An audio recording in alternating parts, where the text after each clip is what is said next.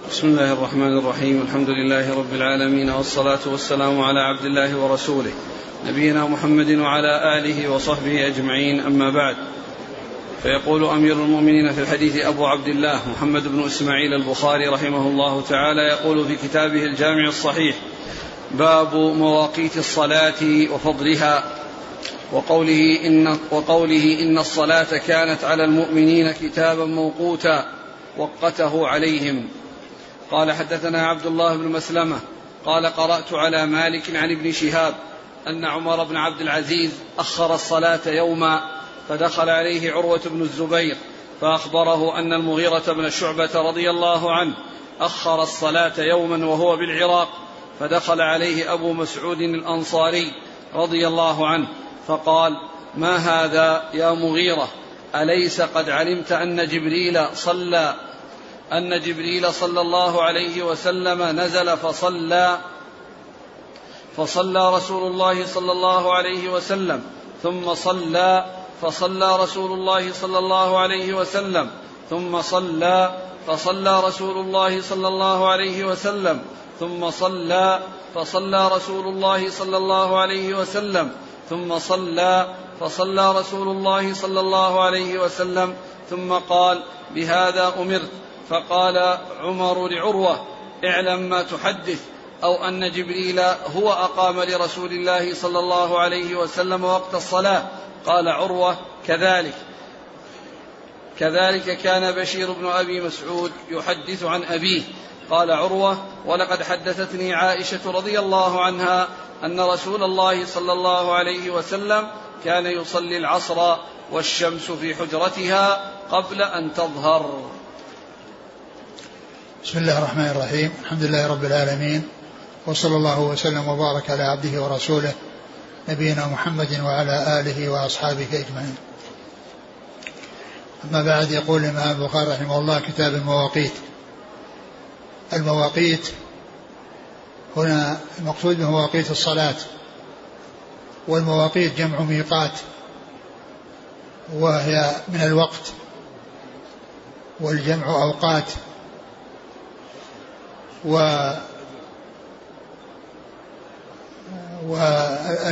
والياء في والياء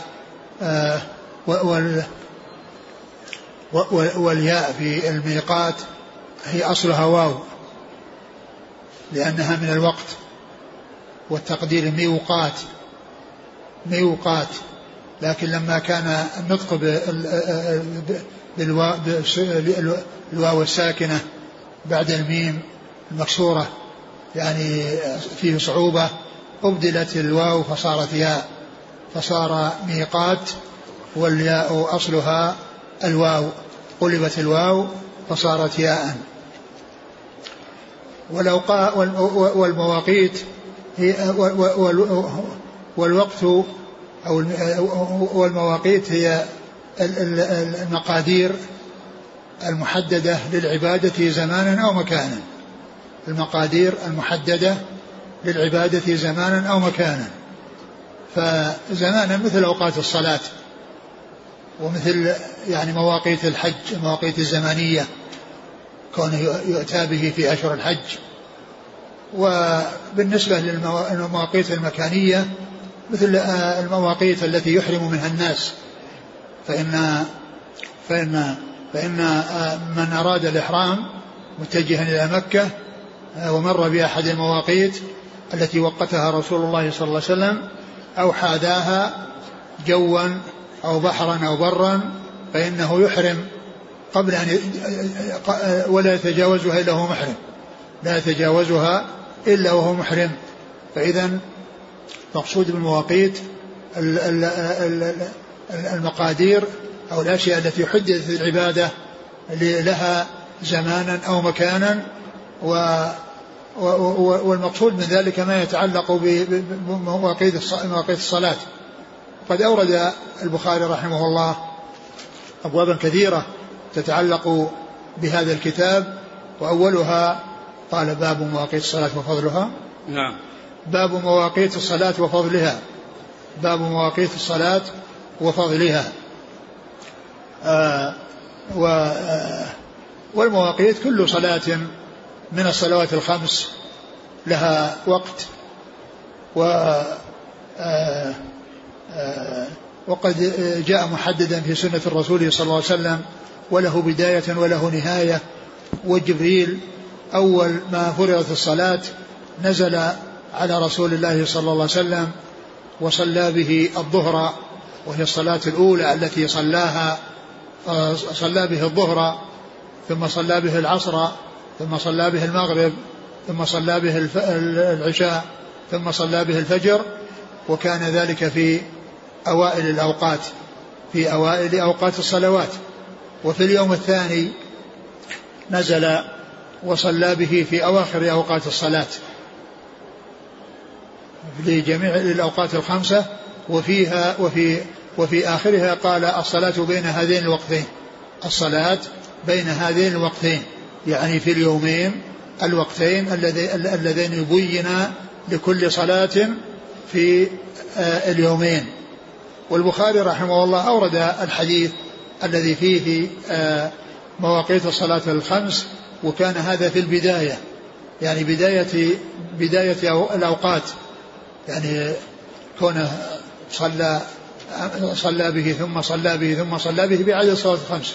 وكان هذا في أول في أول الأوقات وجاء حديث آخر يعني فيه بيان المواقيت بالنسبة لآخر الوقت والذي بين فيه جبريل للرسول صلى الله عليه وسلم أن الصلاة بين هذين الوقتين يعني أول وقت وآخره.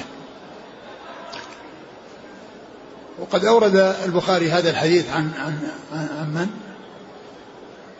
أولا الآية قال الله عز وجل إن الصلاة كانت على المؤمنين كتابا موقوتا قال وقته عليهم يعني جعله وقتا محددا تؤدى فيه الصلاة. لا تقدم عليه ولا تؤخر عنه. لا تقدم عليه ولا تؤخر عنه. يعني معناه أن الظهر لا تصلى قبل الزوال. ولو صليت قبل الزوال فإنها لا تصح. ولا يجوز أن تؤخر عن وقتها ولها وقتان وقت اختيار ووقت اضطرار وقت الاختيار هو أن يكون ظل الشيء مثليه ينتهي بذلك وقت العصر. يعني آه، ينتهي بذلك وقت العصر و آه، ووقت اختيار وهو إلى غروب الشمس. ولا يجوز للإنسان أن يؤخر إلى يعني عن وقت الاختيار إلى وقت الاضطرار إلا أن يكون مضطرا إلى ذلك. وأما كونه يؤخر الصلاة عن وقت الاختيار إلى إلى إلى إلى, إلى وقت الاضطرار فليس للإنسان أن يفعل ذلك مع تمكنه وعدم اضطراره إلى ذلك. اقرأ الحديث. أن عمر بن عبد العزيز أخر الصلاة يوما فدخل عليه عروة بن الزبير فأخبره أن المغيرة بن شعبة أخبر أخر الصلاة يوما وهو بالعراق فدخل عليه أبو مسعود الأنصاري فقال ما هذا يا مغيرة أليس قد علمت أن جبريل صلى الله عليه وسلم نزل فصلى فصلى رسول الله صلى الله عليه وسلم خمسا ثم نعم. قال بهذا أمرت فقال آه يعني هذا الحديث فيه أن يعني عمر بن عبد الزهري يروي أن عمر بن عبد العزيز رحمة الله عليه أخر الصلاة يوما يعني يوم من الأيام. وليس المقصود تأخير الصلاة عن وقتها فإن تأخيرها عن وقتها لا يجوز.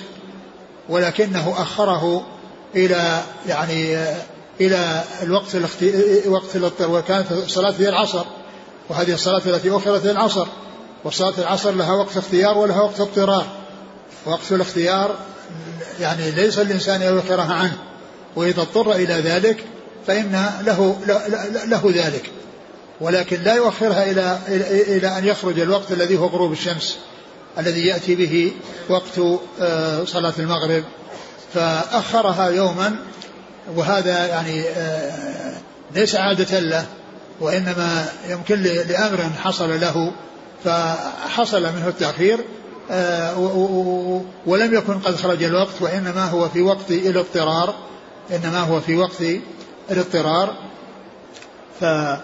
فأخبره يعني آه، آه، إيش قال؟ قال في أوله لا أول حديث نعم. قال عن الزهري قال أخرها الصلاة فقال فقال له ما علمت. أخر أخر عبد عمر بن العزيز أخر الصلاة يوما فدخل عليه عروة فأخبره أن المغيرة أخر الصلاة فدخل عليه أبو مسعود فقال يا ما هذا يا مغيرة أليس قد علمت؟ يعني المغيرة آه، عروة بن الزبير يعني كان يروي الحديث عن عن أبي مسعود. نعم. عن أبي مسعود عقبة بن عمرو الأنصاري البدري رضي الله تعالى عنه وأن المغيرة أخر الصلاة فقال له أبو مسعود يعني وأورد له الحديث ما علمت أن الرسول صلى الله عليه وسلم فعل حصل كذا وكذا حصل كذا وكذا. ف يعني آه الذي حصل من من المغيرة أو ابن عمر بن العزيز هو مثل الذي حصل المغيرة. يعني يوم من الأيام حصل لظرف من الظروف ولكنه يعني ليس خارج الوقت وإنما هو في وقت وقت الاضطرار. أخره إلى وقت الاضطرار الذي هو وقت للصلاة لكن لا ليس للإنسان أن يؤخر الصلاة إليه إلا إذا كان مضطرا ولهذا يسمونه وقت الاضطرار. الذي ليس للإنسان أن يؤخرها, يؤخرها إليه إلا إذا كان مضطرا فإنه يكون اداء وليس قضاء. أخر الصلاة يوما. قال أن قال علمت أليس قد علمت؟ نعم. أن جبريل صلى الله عليه وسلم نزل. هذا يقوله أبو مسعود المغيرة. يقوله صحابي لصحابي. أما علمت أن جبريل نزل؟ أما علمت أن جبريل نزل؟ وصلى به كذا يعني صلوات الخمس. يعني وكان ذلك يوما في في, في أول الصلاة ويوم أول وقت ويوما في آخر الوقت. وقال الصلاة بين هذين الوقتين. يعني معنى ذلك أن العصر أنه صلاها يعني بعد وقت الاختيار يعني مضطرا إلى ذلك ولم يؤخرها عن وقتها لأن تأخيرها عن وقتها لا يجوز بحال من الأحوال. إلا إذا كان الإنسان يعني نائما يعني أو ناسيا وهذا معذور. وقد قال الرسول صلى الله عليه وسلم من نسي صلاة ونام عنها فليصليها إذا ذكرها فليصليها إذا ذكرها لا كفارة لها إلا ذلك. فإذا الرسول صلى الله عليه وسلم أول ما فرض عليه الصلاة الخمس ليلة المعراج ونزل من السماء جاءه جبريل وصلى به صلوات خمس بدءا من صلاة الظهر و آه، في اليوم الأول في أول وقت وفي اليوم الثاني في الوقت يعني آخر الوقت الاختياري. ثم قال له الصلاة بين هذين الوقتين. إيش بعد صلى؟ ثم قال بهذا أمرت. ثم قال بهذا أمرت. قل بهذا أمرت يخاطب جبريل الرسول صلى الله عليه وسلم. بهذا أمرت يعني أنك تصلي في هذا في في هذا في هذه الأوقات. ما بين هذين الوقتين. الصلاة بين هذين الوقتين يعني بهذا أمرت. والذي أمره هو الله عز وجل لأنه نزل بالوحي لأنه نازل لأنه نازل بالوحي بأن يصلي به ويبين له أوقات الصلاة يبين له أوقات الصلاة بدايتها ونهايتها بدايتها ونهايتها. فأمه جبريل جبريل أن الرسول صلى الله عليه وسلم وكان يصلي جبريل بصلاة الرسول صلى الله عليه وسلم يصلي بصلاته وبين له آه، آه، آه، الوقت وأنه بين هذين الوقتين. بهذا أمرت. فقال عمر لعروة اعلم ما تحدث. فقال عمر لعروة عمر بن عبد العزيز رحمة الله عليه يقول لعروة رحمة الله عليه اعلم ما تحدث. يعني أنك يعني تحقق والشيء الذي تحدث به اعلم ما تحدث. أو أو أن أو أن جبريل هو أقام لرسول الله صلى الله عليه وسلم وقت الصلاة. أو أن جبريل نعم. هو أقام لرسول الله صلى الله عليه وسلم. نعم يعني أو, أو أن جبريل أقام للنبي صلى الله عليه وسلم وقت الصلاة. يعني أن هذا تحقق وأن هذا قد حصل وأن جبريل هو أما يعني الرسول صلى الله عليه وسلم وبين الوقت. نعم. ما ما المعنى هنا إيش لماذا يرد عليه؟ نعم. أو أن جبريل هو أقام لرسول الله صلى الله عليه وسلم. نعم. يعني كأنه استدرك عليه شيء. لا هو أراد يعني كونه يعني لما قال جبريل أنه هو اللي فعل كذا قال أو جبريل يعني فعل كذا وكذا. نعم. أو أن جبريل يستفهم نعم. أو أن جبريل هو أقام لرسول الله صلى الله عليه وسلم وقت الصلاة؟ نعم. قال عروة كذلك كان بشير بن أبي مسعود يحدث عن أبيه. نعم. قال كذلك كان بشير يحدث عن أبيه عن بشير بن بن أبي مسعود. نعم. نعم بشير بن أبي مسعود يحدث عن أبيه. يحدث عن أبيه أن جبريل هو الذي جاء وبين المواقيت وصلى بالرسول صلى الله عليه وسلم الصلوات بداية في بداية الأوقات وفي نهاية الأوقات. قال عروة ولقد حدثتني عائشة أن رسول الله صلى الله عليه وسلم كان يصلي العصر والشمس في حجرتها قبل أن تظهر. وقال عروة قد حدثني عائشة أن الرسول صلى الله عليه وسلم كان يصلي العصر والشمس في حجرتها دون قبل أن تظهر. نعم والشمس في حجرتها. يعني معنى ذلك أنها أن أن أن أن, أن, أن الشمس يعني المقصود بذلك أنه آه، آه، في وقتها الاختياري وليس في الوقت الاضطراري. يعني وهذا فيه بيان أن الشمس يعني كانت يعني يعرفونها بالشمس وأنها كانت موجودة وأنها يعني كان يصلي والشمس في حجرتها. نعم. قال حدثنا عبد الله بن مسلمة. وقع نبي. قال قرأت على مالك. نعم. عن ابن شهاب عن عمر بن عبد العزيز. نعم. عن عروة. لا هو الحديث يعني هو عن عروة عن عن عروة عن عن ابن شهاب. عن ابن شهاب عن عروة. عن عروة عن أبي مسعود. عن أبي مسعود نعم. والثاني قال ان ان ان عروة عن عائشة. لا الثاني قال كذا يحدث بشير, بشير عن أبيه. يعني بشير عن أبيه يعني أنه يروي عن بشير عن أبيه أبي مسعود.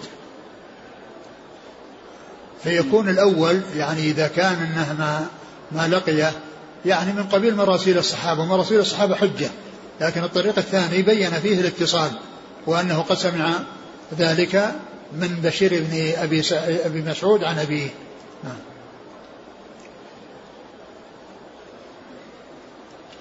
قال رحمه الله. وهذه وهذه المواقيت يعني الظهر من الزوال من زوال الشمس إلى أن يصير ظل الشيء مثله ثم يأتي وقت العصر والوقتان متصلان ليس بينهما فاصل. ليس بين وقت العصر وبين وقت الظهر فاصل وإنما هما متصلان. إذا انتهى هذا دخل هذا. إذا انتهى هذا هذا دخل هذا. ومثله المغرب. فإن نهاية وقت المغرب هو أول وقت العشاء ليس بينهما فاصل. ليس بينهما فاصل. وهاتان الصلاتان اللذان اتصل أوقاتهما أوقاتهما هما اللتان يجمع بعضهما إلى بعض. فإن العصر تجمع مع الظهر والمغرب العشاء تجمع مع المغرب والوقتان متصلان. والوقتان متصلان لا فاصل بينهما. إذا خرج هذا دخل هذا. إذا خرج وقت الظهر الظهر دخل وقت العصر. وإذا خرج وقت المغرب دخل وقت العشاء. وأما العصر فإذا بلغ ظل الشيء مثله إلى أن يكون مثليه هذا وقت العصر الاختياري. وأما إذا آه وأما إذا يعني آه، ما ما بين آه، ظل الشيء مثليه إلى غروب الشمس هذا وقت اضطراري. فهذا وقت اضطراري. والمغرب إذا غابت الشمس دخل وقتها. وإذا غاب الشفق الأحمر خرج وقتها ودخل وقت العشاء. والعشاء الوقت الاختياري إلى نصف الليل. الوقت الاختياري إلى نصف الليل. والوقت الاضطراري عند بعض أهل العلم إلى من من نصف الليل إلى إلى طلوع الفجر. إلى طلوع الفجر. ويستدلون على ذلك بالحديث. ليس في النوم تفريط إنما التفريط في أن يصلي أن أن يؤخر الصلاة حتى يأتي وقت الصلاة التي بعدها. حتى يأتي وقت الصلاة التي بعدها. قالوا فإن الوقت الاضطراري يكون إلى الفجر. يكون إلى الفجر. قال بهذا بعض أهل العلم مستدلا بهذا الحديث. وأما بالنسبة للفجر فهي من طلوع الفجر الثاني. طلوع الفجر الثاني إلى طلوع الشمس. من طلوع الفجر الثاني إلى طلوع الشمس هذا هو وقتها. هذه المواقيت للصلوات الخمس. وإذن الاضطراري إنما هو بالنسبة لل... لل... للعصر وهذا يعني باتفاق.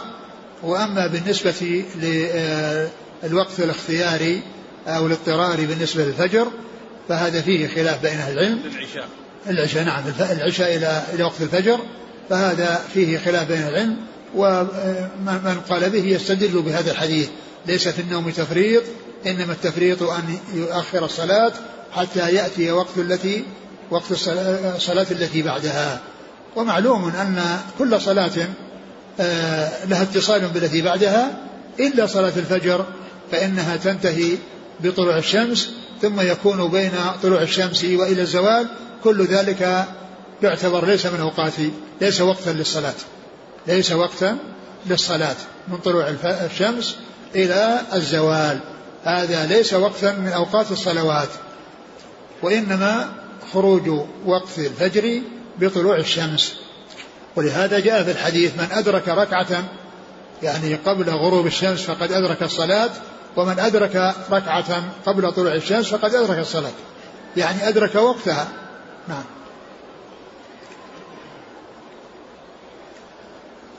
قال رحمه الله تعالى باب منيبين إليه واتقوه وأقيموا الصلاة ولا تكونوا من المشركين.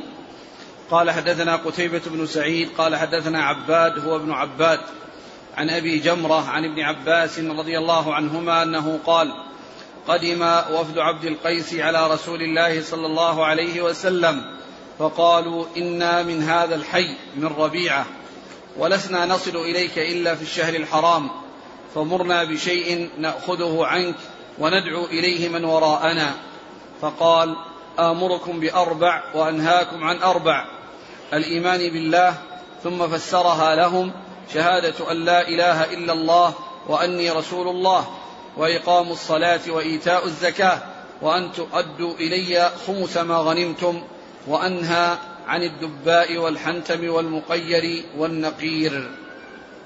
ثم ذكر قال باب قول باب باب منيبين إليه وأقيموا الصلاة. وفي بعض النسخ باب قول الله منيبين إليه وأقيموا الصلاة. واتقوه. نعم. منيبين إليه واتقوه. نعم منيبين إليه واتقوه وأقيموا الصلاة. ولا تكون من المشركين. أورد هذا الحديث في كتاب المواقيت أو هذا الباب في كتاب المواقيت لأن فيه إقامة الصلاة. وإقامة الصلاة آه، تكون بكل ما هو مطلوب منها بكل ما هو مطلوب فيها من آه، الاتيان بأركانها وواجبات شروطها وواجباتها ومستحباتها وأوقاتها وأن تكون في أوقاتها. لأنها إذا أتي بها في غير أوقاتها فإنه لا عبرة بها. إلا أن يكون الإنسان يعني آه، معذور بأن يكون نائما أو بأن يكون نائما أو ناسيا فإنه يصلي بعد خروج الوقت. ولكن لا يجوز له أن يؤخر. وإذا فمن إقامة الصلاة أو مما يدخل تحت إقامة الصلاة الأوقات. ومن أجل هذا أورده. أورده البخاري رحمه الله. يعني آه يعني هذا الباب آه يعني من أجل أن أنه يدخل في إقامتها المحافظة عليها في مواقيتها. المحافظة عليها في مواقيتها وألا تقدم عن مواقيتها ولا تؤخر لأن هذا من جملة إقامتها. لأن إقامتها تكون في أمور عديدة تكون بالنسبة للوقت وتكون بالنسبة للشروط وبالنسبة للأركان وبالنسبة للواجبات والمستحبات كل هذا داخل تحت إقامة الصلاة. آه ثم أورد حديث وهو عبد القيس. وهو أنهم جاءوا إلى النبي صلى الله عليه وسلم وقالوا أن لا نصل إليك إلا في دار حرام. وذلك أن بين بين المدينة وبين أماكنهم آه، جماعة من كفار مضر الذين يعني يؤذونهم ولا ولا يصلون إلا في شهر حرام. يعني ليس الوصول متيسرا في كل وقت يريدون وإنما يعني ينتظرون الأوقات التي فيها الأشهر الحرم التي يمتنع الكفار فيها عن القتال فيأتون إلى النبي صلى الله عليه وسلم. فمهدوا لطلب الوصية لهم وطلب التعليم لهم بأنهم لا يستطيعون أن يصلوا إليه في كل وقت وإنما يصلون إليه في الشهر الحرام وطلبوا منه أن يأمرهم بشيء يعملون به ويبلغونه من وراءهم. فالنبي عليه الصلاة والسلام قال آمركم بأربع وأنهاكم عن أربع. آمركم بأربع وأنهاكم عن أربع. الإيمان بالله. أتدرون ما الإيمان بالله؟ شهادة لا إله إلا الله وأن محمد رسول الله وإقام الصلاة وإيتاء الزكاة وأن تؤدوا الخمس من المغنم. وأن تؤدوا الخمس من المغنم. وأنهاكم عن الدباء والحنتم والمزفة والنقير. المقصود من إيراد المصنف للحديث, أوله وهو أنه لما قال أمركم بالإيمان ثم فسر الإيمان بأمور ظاهرة. فسر الأمور بأمور الإيمان بأمور ظاهرة. هي الشهادتان ولأنهما نطق باللسان وإقامة الصلاة وإيتاء الزكاة وأداء الخمس من المغانم. وأداء الخمس من المغانم. وكان هذا يعني وقت جاءوا إليه في وقت مبكر. يعني جاءوا إليه في وقت مبكر. يعني ف يعني ف أرشدهم النبي صلى الله عليه وسلم إلى هذه الأوامر وإلى هذه النواهي إلى هذه المأمورات وإلى هذه المنهيات. والمقصود من ذلك أنهم من الأمور التي أرشدهم إليها إقامة الصلاة. وإقامة الصلاة يدخل فيها الأوقات. يدخل فيها الأوقات وأن هذا من جملة آه، ما هو مطلوب في الصلاة أن تؤدى في أوقاتها. أتدرون ما الإيمان بالله شهادة لا إله إلا الله وأن محمد رسول الله وإقام الصلاة وإيتاء الزكاة وأن تؤدي الخمس من المغنم. فالمحل الشاهد قوله إقام الصلاة. وذكر هذه الأربع ثلاثة من أركان الإيمان وأضاف إليها الخمس من المغنم.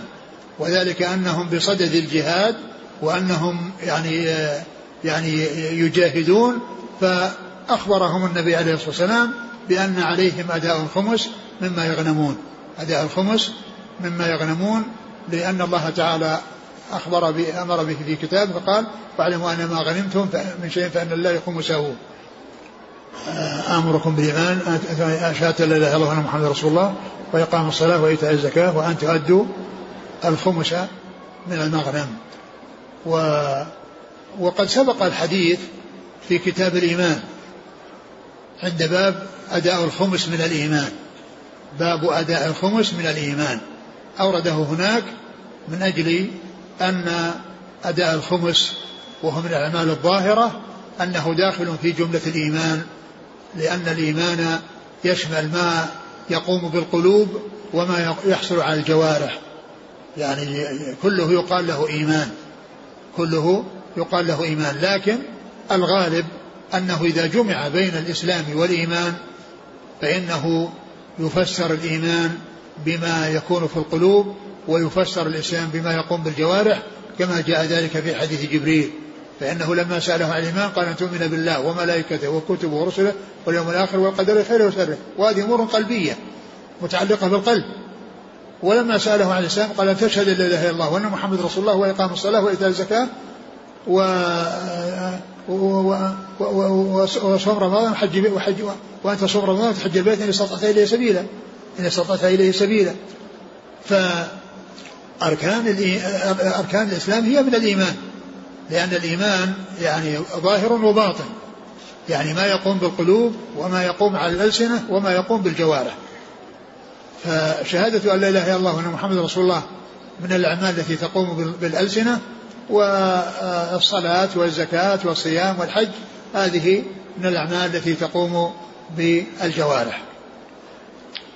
ثم إنه ذكر المنهيات وهي آه، كونهم ينتبذون نهاهم أن ينتبذوا في هذه الأوعية وهي أوعية غليظة.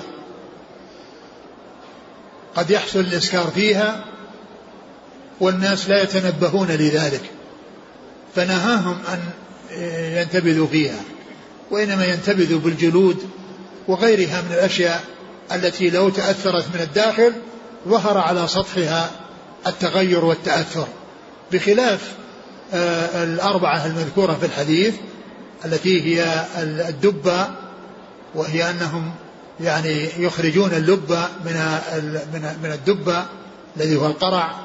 يستخرجون اللب ويبقى القشر وييبسونه فيكون وعاء. يكون وعاء ينتبذون فيه.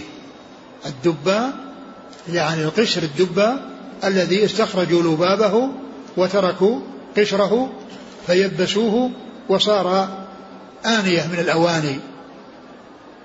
الدباء والنقير يأتون إلى جذع النخلة وينحتون يعني يسنحون الكرب الذي يعني على ظاهرها ثم ينحتون في وسطها حتى يكون يعني وعاء ينتبذون فيه النقير.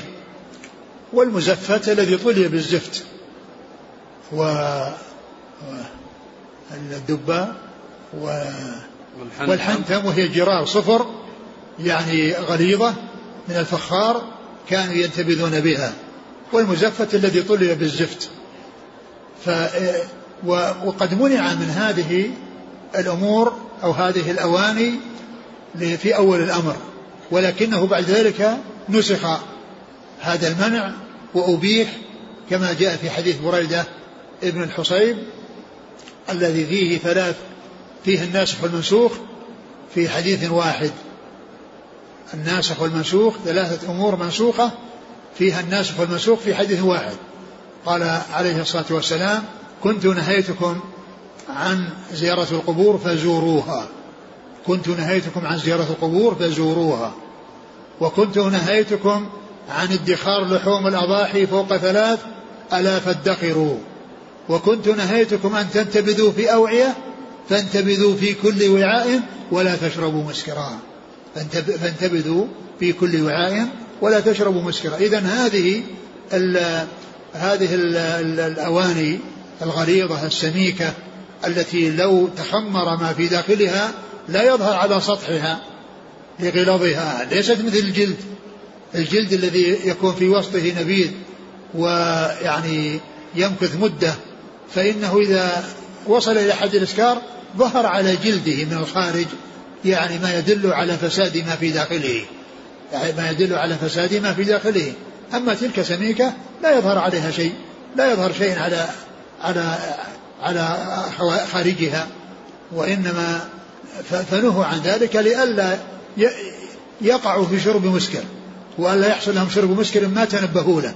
ولكنهم بعد ذلك بعدما استقر الأمر ويعني مضى وقت على حرمة الخمر وكانوا محتاطين ومتنبهين. بعد ذلك نسخ كما جاء في حديث بريدة بن حصيب. نعم. الدباء والحنتم والمقير والنقير. نعم. المقير هو المزفت. المقير هو المزفت. قال حدثنا قتيبة بن سعيد نعم. عن عباد هو ابن عباد. نعم. عن أبي جمرة أبو جمرة هو نصر بن عمران الضبعي وهو من من, من عبد القيس يعني ومشهور بكنيته أبو جمرة مشهور بكنيته أبو جمرة. وجاء في هذا الحديث يعني في بعض طرقه أن ابن عباس قال له اجلس معي آه، يعني لتبلغ عن لتبلغ عني وأضع لأعطيك شيئا من مالي. يعني فكان يجلس معه ويبلغ الناس. يعني بكثرتهم. يعني ابن عباس يحدث وهذا يبلغ حديث ابن عباس حتى يسمعه الناس. فهو أبو جمرة مشهور بكنيته. ولي وهو يروي عن ابن عباس. وهناك شخص آخر يقال له أبو حمزة القصاب. وهو يروي عن ابن عباس. وهو أيضا يروي عن ابن عباس. وأبو حمزة وأبو جمرة مما يسمى في علم المصطلح المؤتلف والمختلف. المؤتلف والمختلف. وهو ما تتفق فيه الأسماء في آه، الرسم وتختلف في النقط والشكل. تختلف في النقط والشكل. فأبو حمزة وأبو جمرة الرسم واحد ولكن الفرق بالنقط جمرة وحمزة. وأما الاختلاف في الشكل مثل عقيل وعقيل. عقيل وعقيل الرسم واحد ولكن اختلاف بالشكل بالحركات. فإذا أبو حمزة أبو جمرة الضبعي نصر بن عمران الضبعي هذا هو الذي يروي عن ابن عباس حديثه في عبد القيس وهو نفسه من بني عبد القيس اللي هو نصر بن عمران. وكذلك أبو حمزة القصاب هو يروي عن ابن عباس ومما روى عنه حديث الذي في صحيح مسلم أن الرسول عليه الصلاة والسلام أرسل ابن عباس إلى معاوية يدعوه ليأتي إليه. فذهب إليه ووجده يأكل. فرجع وقال وجدته يأكل. قال اذهب فادعه. فرجع إليه وقال إنه يأكل. قال لا أشبع الله بطنه. لا أشبع الله بطنه. فهذا الحديث يرويه أبو حمزة القصاب عن ابن عباس وهو في صحيح مسلم. والإمام مسلم رحمه الله أورد هذا الحديث في مكان مناسب يدل على على دقة فهم الإمام مسلم وحسن ترتيبه لصحيحه وذلك أنه أورد آه، في باب يعني مشتمل على دعاء الرسول عليه الصلاة والسلام على أناس ما كان يريد الدعاء عليهم وإنما حصل منه سؤال الله عز وجل أن يجعل كل من دعا عليه بدعوة ليس لها بأهل أن يجعل الله ذلك له زكاء وطهرا. يعني فيكون بدل ما كان دعاء دعاء عليه صار دعاء له. أورد مسلم رحمه الله أحاديث عديدة التي فيها عقرة حلقة آه، ثكلتك أمك تربت يداك. ثم ختمها بهذا الحديث الذي قال لا أشبع الله بطنه. يعني معناه أنه من جنس هذا. والحديث الذي قبله في صحيح مسلم عن آه، في عن عن أنس أن أم سليم آه، أرسلت يتيمة لرسول الله صلى الله عليه وسلم فلما رآها الرسول صلى الله عليه وسلم وكان يعرفها صغيرة جدا فقال كبرت لا كبرت سنك. كبرت لا كبرت سنك. فرجعت البنية تبكي. خائفة لأن الرسول دعا عليها. فجاءت أم سليم مسرعة وقال ما لك يا أم سليم؟ قال دعوت على يتيمتي. فقال أما علمت يا أم سليم أنني سألت ربي وقلت اللهم من دعته لي بدعوة ليس لها بأهل فاجعل ذلك له زكاء وطهرا. إذا صار هذا الحديث الذي جاء في معاوية هو دعاء له وليس دعاء عليه. ومسلم رحمه الله من حسن ترتيبه أورد هذا الحديث في هذا الباب وجعله بعد حديث أم سليم. الذي قال فيه الرسول من دعوت له دعوت عليه بدعوة ليس له بأهل فجعل ذلك له زكاة وطهرا.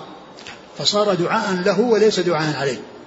فصار دعاء له وليس دعاء عليه رضي الله تعالى عنه وأرضاه. الحاصل أن أبا حمزة القصاب هو الذي روى عن مسلم هذا الحديث عن عن عن ابن عباس هذا الحديث في صحيح مسلم. وأبو جمرة الذي معنا هو الذي روى عن ابن عباس حديث وفاة عبد القيس وكما قلت أبو حمزة وأبو جمرة من قبيل المؤتلف والمختلف أو المشتبه. نعم.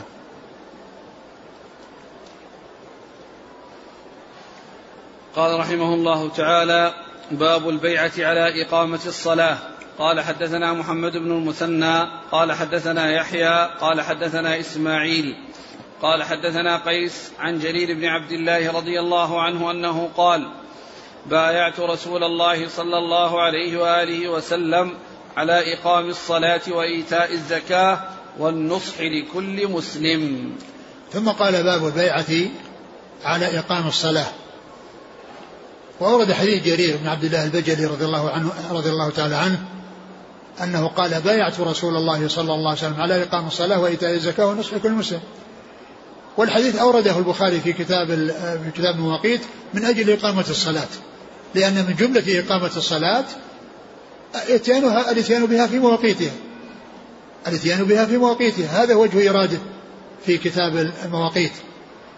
كما أنه وجه إرادة الحديث الذي مر في حديث عبد القيس. يعني آه، آه، يا أن المقصود من ذلك هو من جملة إقامتها الاتيان بها في وقتها. والرسول صلى الله عليه وسلم كان يبايع الناس على الإسلام و يعني فكان يبايع على إقام الصلاة وإيتاء الزكاة يبايع على شهادة لا إله إلا محمد رسول الله وإقام الصلاة وإيتاء الزكاة ولكنه آه، يضيف إلى بعض الناس يعني بعض ال ال ال بعض الذي يبايع عليه مثل ما حصل لجرير في هذا الحديث فإنه أضاف إليه ونصح لكل مسلم لأنه كان كبيرا في قومه وزعيما في قومه فأراد منه أن يعني يحصل منه النصح وذلك أن من كان في منزلته وكان كبيرا في قومه إذا يعني حصل منه النصح لقومه فإن الفائدة تكون عظيمة تكون الفائدة عظيمة. وهذا هذه البيعة إنما هي على الإسلام. عندما يأتي الإنسان يبايع رسول يبايعه على على يعني على هذه على هذه الأمور المشتركة ويخص بعضهم بأن يضيف إليه شيء يكون له به بلاء حسن وله به آه، يعني جهد يعني ويؤمل حصول النفع العظيم بسبب ذلك الشيء الذي آه، آه، الذي خصه به. بايعت الرسول صلى الله عليه وسلم على إقام الصلاة وإيتاء الزكاة والنصح لكل مسلم. لكل مسلم نعم. قال حدثنا محمد بن المثنى نعم هو أبو موسى الزمن. نعم. عن يحيى. يحيى القطان. عن إسماعيل. إسماعيل عن من؟ بن أبي خالد عن قيس. نعم إسماعيل بن أبي خالد. عن قيس. عن قيس عن بن أبي حازم. عن جرير وقيس بن أبي حازم هذا من المخضرمين الذين أدركوا الجاهلية والإسلام والذين هم أي المخضرمون يعتبرون في الطبقة الأولى من التابعين و آه، هم الذين أدركوا الجاهلية والإسلام ولم يلقوا النبي صلى الله عليه وسلم ولكنهم لقوا كبار الصحابة. وهذا الرجل الذي هو قيس بن أبي حازم قيل اتفق له أنه روى عن عن العشرة المبشرين بالجنة. أنه روى عن العشرة المبشرين بالجنة لأنه من كبار التابعين الذين أدركوا كبار الصحابة لأنه أدرك زمن النبي صلى الله عليه وسلم. ثم أيضا هو يعني يعني جرير بن عبد الله الأحمسي وهذا قيس بن أبي حازم أحمسي وإسماعيل بن أبي خالد أحمسي يعني من قبيلة واحدة. نعم. وهم من بجيلة. الأحمسي من بجيلة. نعم. عن جرير بن عبد الله. نعم. قال رحمه الله تعالى باب الصلاة كفارة. قال حدثنا مسدد قال حدثنا يحيى عن الأعمش قال حدثني شقيق قال سمعت حذيفة رضي الله عنه قال كنا جلوسا عند عمر رضي الله عنه فقال أيكم يحفظ قول رسول الله صلى الله عليه وسلم في الفتنة؟ قلت أنا. كما قاله قال إنك عليه أو عليها لجريء قلت فتنة الرجل في أهله وماله وولده وجاره تكفرها الصلاة والصوم والصدقة والأمر والنهي. قال ليس هذا أريد ولكن الفتنة التي تموج كما يموج البحر. قال ليس عليك منها بأس يا أمير المؤمنين إن بينك وبينها بابا مغلقا. قال أيكسر أم يفتح؟ قال يكسر. قال إذا لا يغلق أب إذا لا يغلق أبدا. قلنا أكان عمر يعلم الباب قال نعم كما أن دون الغد الليلة. إني حدثته بحديث ليس بالأغاليط. فهبنا أن نسأل حذيفة. فأمرنا مسروقا فسأله فقال الباب عمر. ثم ذكر باب الصلوات الصلوات. الصلاة كفارة. الصلاة كفارة الصلاة كفارة. الصلاة يكفر الله عز وجل بها الخطايا ولكنها الخطايا الصغيرة التي هي من الصغائر. وأما الكبائر فإنه لا يكفرها إلا التوبة. وقد جاء ما يدل على أن الذي يكفر هو الصغائر في قوله عليه الصلاة والسلام الصلوات الخمس والجمعة إلى الجمعة ورمضان رمضان مكفرات لما بينهن ما اجتنبت الكبائر. ما اجتنبت الكبائر. ودل هذا على أن التكفير الذي جاء في آه، في الحديث الذي معنا أن الصلاة أنها تكفر الذنوب وكذلك الصيام والأمر والنهي أن المقصود بما يكفره أي الأعمال الصالحة تكفر الصغائر. أما الكبائر فلا بد فيها من التوبة. لا بد فيها من التوبة. الإنسان يتوب منها والله تعالى يتوب على من تاب. يتوب على من تاب. أما التي تكفره فهو الصغائر كما جاء ذلك موضحا في آه، الحديث الآخر الصحيح ثابت عن رسول الله صلى الله عليه وسلم حيث قال فيه ما اجتنبت الكبائر. آه، آه، ما اجتنبت الكبائر. ثم أورد هذا الحديث عن عن, عن حذيفة نعم. نعم. أنهم كانوا في مجلس مع عمر رضي الله عنه فقال أيكم يحفظ ما قاله الرسول صلى الله عليه وسلم في الفتنة. قال عمر قال حذيفة أنا كما قاله. نعم. أنا كما قاله يعني يعني كما كما قاله الرسول صلى الله عليه وسلم يعني يحفظ الحديث كما قاله رسول الله صلى الله عليه وسلم لأنه عمر سأله عن عن حديث في الفتنة. فهو أجابه عن الفتنة التي تكون في أهل بيته وفي أقاربه وما يجري بينهم من يعني من أمور. يعني آه صغيرة آه تكفرها الصلاة. تكفرها الصلاة. وهذا هو محل الشاهد لإيراد الحديث. والمقصود من ذلك أن الصلاة إرادة في كتاب المواقيت أن الصلاة التي يحصل بها التكفير هي الصلاة التي يؤتى بها في أوقاتها. الصلاة التي يؤتى بها بشروطها وأركانها وواجباتها وسعباتها في أوقاتها. هذا هو مقصود من إيراد الحديث. في كتاب المواقيت. لأن الصلاة المعتبرة المفيدة التي يترتب عليها هذه الآثار الحميدة ويترتب عليها القبول ويترتب عليها تكفير السيئات الصغيرة هي الصلاة التي تؤدى في أوقاتها. الصلاة التي تؤدى في أوقاتها. قال فتنة الرجل قال في الفتنة قال فتنة الرجل في أهله وما وبيته وماله وولده وجاره نعم. تكفرها الصلاة. تكفرها الصلاة والصوم والصدقة والأمر والنهي. والصوم والصدقة والأمر, والأمر والنهي يعني الأمر بالمعروف والنهي عن المنكر. الأمر بالمعروف والنهي عن المنكر هذه تكفر الصغائر. قال ليس هذا أريد. قال عمر رضي الله عنه ليس هذا أريد لأنه ذكر الفتنة وهذا لفظ عام. ف آه، حذيفة رضي الله عنه ذكر يعني الفتنة ببعض المعاني التي هي داخل تحتها لأن فتنة الرجل هي من جملة الفتن. هي من جملة الفتن التي يعني يفتتن بها الناس وتحصل الفتنة للناس في أولادهم وأموالهم وأقاربهم وجيرانهم وتكفرها أي هذه الأمور الصغيرة حيث تكون صغيرة الأمر الأمر والنهي والصلاة والصدقة والصيام. قال ليس هذا أريد.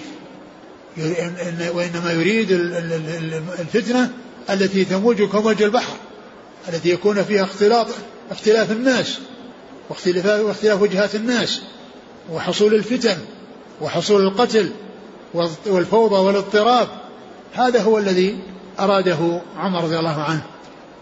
فقال إنه ليس ما لك ولها قال إيش؟ قال ليس عليك منها بأس يا أمير المؤمنين. ليس عليك منها بأس يعني أنت تسلم منها أنت تسلم منها وتحصل يعني لغيرك. ليس عليك منها بأس. نعم. إن بينك لأنها تقع تحصل بعد موته وبعد قتله رضي الله عنه وأرضاه. نعم. إن بينك وبينها بابا مغلقا. إن بينك وبينها بابا مغلقا. إن بينك وبين هذه الفتن التي هذا شأنها وهذا وصفها بابا مغلقا. يعني وهذا الباب هو عمر رضي الله عنه لأنه إذا مات جاءت الفتنة. جاءت الفتنة فإذا حياته سالمة من هذه الفتن. حياته سالمة من هذه الفتنة والفتنة تأتي بعده. قال بينك وبينها بابا مغلقا. قال أيكسر الباب أم آه، يفتح؟ قال بل يكسر. يعني معناه أنه يقتل. يعني هذا الباب الذي هو عمر تكون نهايته أن الباب يعني لا, لا, لا يفتح أو لا يغلق وإنما يكسر. إن بينك وبينها بابا مغلقا. قال أيكسر أم يفتح؟ قال يكسر. نعم. قال إذا لا يغلق أبدا. نعم. إذا إذا لا يغلق أبدا. يقول عمر إذا لا يغلق أبدا. يعني ما دام أنه يكسر وأنه ليس يعني ليس فتحا وإنما هو كسر يعني معناه أن فيه فتنة. ترتبت على فتنة. لأن قتله كان فتنة ومصيبة وما جاء بعده من الفتن يعني آه، فتن آه، استمرت وحصل الاختلاف وحصلت الفرقة وحصل قتل الناس بعضهم ببعض وهكذا قتل الناس بعضهم بعضا وهكذا. قال؟ قلنا قال إذا لا يغلق أبدا قلنا أكان عمر يعلم الباب قال نعم كما أن دون الغد الليلة. سألوا بعد ذلك حذيفة بعد هذا الاجتماع وهذا الكلام اللي جرى قال أيعلم عمر الباب؟ قال نعم كما أن دون غد الليلة. يعني معناه كما أن يعني معروف ومتحقق أن الليلة هذه تسبق الغد فإذا عمر يعلم ويتحقق هذا الباب. يعني كأنه عرف ذلك من قبل أنه علم ذلك من قبل. نعم. قال قد حدثته. إني حدثته بحديث ليس بالأغاليط. إنني حدثته بحديث ليس بالأغاليط يعني فيما يتعلق بالفتن. فيما يتعلق بالفتن حدثه ليس بالأغاليط يعني وإنما هو بالأمور المحققة التي هي آآ آه، آآ آه، ثابتة عن رسول الله صلى الله عليه وسلم لأنه هو الذي يخبر عن الأمور المستقبلة وكل ما أخبر به الرسول صلى الله عليه وسلم من أمور طيبة وأمور يعني آه، ضارة كل ذلك من الغيب الذي لا بد وأن يقع طبقا لما أخبر به الرسول صلى الله عليه وسلم. فإن الرسول عليه الصلاة والسلام يخبر عن أمور مستقبلة قريبة من زمانه وبعيدة من زمانه وكل ما أخبر به الرسول عليه الصلاة والسلام فهو صدق ولا بد من وجوده طبقا لما أخبر به رسول الله صلى الله عليه وسلم. لا بد من وجوده طبقا لما أخبر به. وهذا الذي آه، حدث به حذيفة وأخبر به وأن الفتن تكون بعد عمر وأن عمر هو يعني آه، الباب الذي يكون بينه بينها وأن هذا الباب يكسر بمعنى أن عمر يقتل وأنه يموت قتلا ولا يموت على فراشه. وقد نال الشهادة بذلك رضي الله عنه. كان شهيدا كما أخبر بذلك رسول الله صلى الله عليه وسلم. لما ركب صعد وكان هو يعني أبو, أبو بكر وعمر وعثمان قال اثبت أحد فإنما عليك نبي وصديق وشهيدان. إنما عليك نبي وصديق وشهيدان. وأحد الشهيدين عمر. وعمر رضي الله عنه آآ آآ سأل الله عز وجل كما في صحيح البخاري قال من يسألك شهادة في سبيلك ووفاة في بلد رسولك. شهادة في سبيلك ووفاة في بلد رسولك صلى الله عليه وسلم وقد تحقق ذلك له وحصلت له الشهادة ب ب وهو في المدينة بأن قتل وهو يصلي بالناس صلاة الصبح ودفن بجوار رسول الله صلى الله عليه وسلم. نعم. ليس حدثته بحديث ليس بالأغاليط. نعم. فهبنا أن نسأل حذيفة فأمرنا مسروقا فسأله فقال الباب عمر. نعم فهابوا أن يسألوه يعني عن هذا الباب الذي يعني مغلق الذي يكون بين عمر وبين الفتن أو هذه الفتنة. فقال آه، الباب عمر. يعني الباب عمر ومعلوم أن كسره قتله رضي الله عنه وأرضاه. هذا القتل الذي نال به الشهادة. نعم. قال حدثنا مسدد عن يحيى القطان. عن الأعمش عن شقيق. شقيق بن سلمة أبو وائل. عن حذيفة. وهو مشهور بكنيته وأيضا مشهور باسمه اسمه شقيق وكنيته أبو وائل ومشهور بالكنية. ويأتي أحيانا بالكنية بالاسم كما هنا وأحيانا يأتي أبو وائل. وفائدة معرفة كنى المحدثين ألا يظن الشخص الواحد شخصين. لأن الذي لا يعرف أن شقيق بن سلمة كنيته أبو وائل لو رأى أبو وائل في إسناد وشقيق في إسناد يقول شقيق رجل وأبو وائل رجل آخر. إذا فائدة معرفة الكنى ألا يظن الشخص الواحد شخصين. وهو أيضا من المخضرمين. قال حدثنا قتيبة قال حدثنا يزيد بن زريع عن سليمان التيمي عن أبي عثمان النهدي عن ابن مسعود رضي الله عنه أن رجلا أصاب من امرأة قبلة فأتى النبي صلى الله عليه وسلم فأخبره فأنزل الله أقم الصلاة طرفي النهار وزلفا من الليل إن الحسنات يذهبن السيئات فقال الرجل يا رسول الله ألي هذا؟ قال لجميع أمتي كلهم. ثم ذكر البخاري رحمه الله هذا الحديث أن رجلا أصاب عن ابن مسعود رضي الله عنه أن رجلا أصاب عن امرأة قبلة فسأل رسول الله صلى الله عليه وسلم فقال يعني فأنزل الله عز وجل أقم, أقم صلاة لذكري. فأقم صلاة طرفي النهار وزلفا من الليل. و فقال ألي هذا ألي هذا وحدي يا رسول الله؟ قال بل لأمتي كلهم. يعني وهذا مثل الذي قبله أن الصلاة أنها تكفر يعني الصلاة والأمر والنهي والصدقة والصيام أنها تكفر الصغائر. وأن الكبائر لا يكفرها إلا التوبة فأورد هذا الحديث مثل مثل الذي قبله وإراده في في في كتاب المواقيت مثل الذي قبله أن الصلاة التي يعني يكون فيها التكبير هي التي تكون يعني معداة في شروطها وأركانها وواجباتها وفي أوقاتها وفي أوقاتها. وفي هذا الحديث يعني يعني الدلالة للقاعدة المشهورة وهي أن العبرة بعموم الألفاظ لا بخصوص الأسباب. العبرة بعموم الألفاظ لا بخصوص الأسباب لأن لأن الأصل أن خطاب الرسول صلى الله عليه وسلم ل ل يعني للجميع وليس خطابه لواحد. وإذا نزل نزلت آية فيها حكم عام بسبب خاص فإن الحكم يعني لا يقصر الحكم على صاحب السبب وإنما يكون له ولغيره ويكون تشريعا للأمة. ولهذا قال الرجل ألي هذا وحدي؟ يعني لما نزلت هذه الآية بسببه قال ألي هذا وحدي؟ قال بل لجميع أمتي كلهم. وهذا في تأكيد. قال بل لجميع أمتي؟ نعم كلهم. يعني جاب جميع مرتين جاب جميع وكلهم.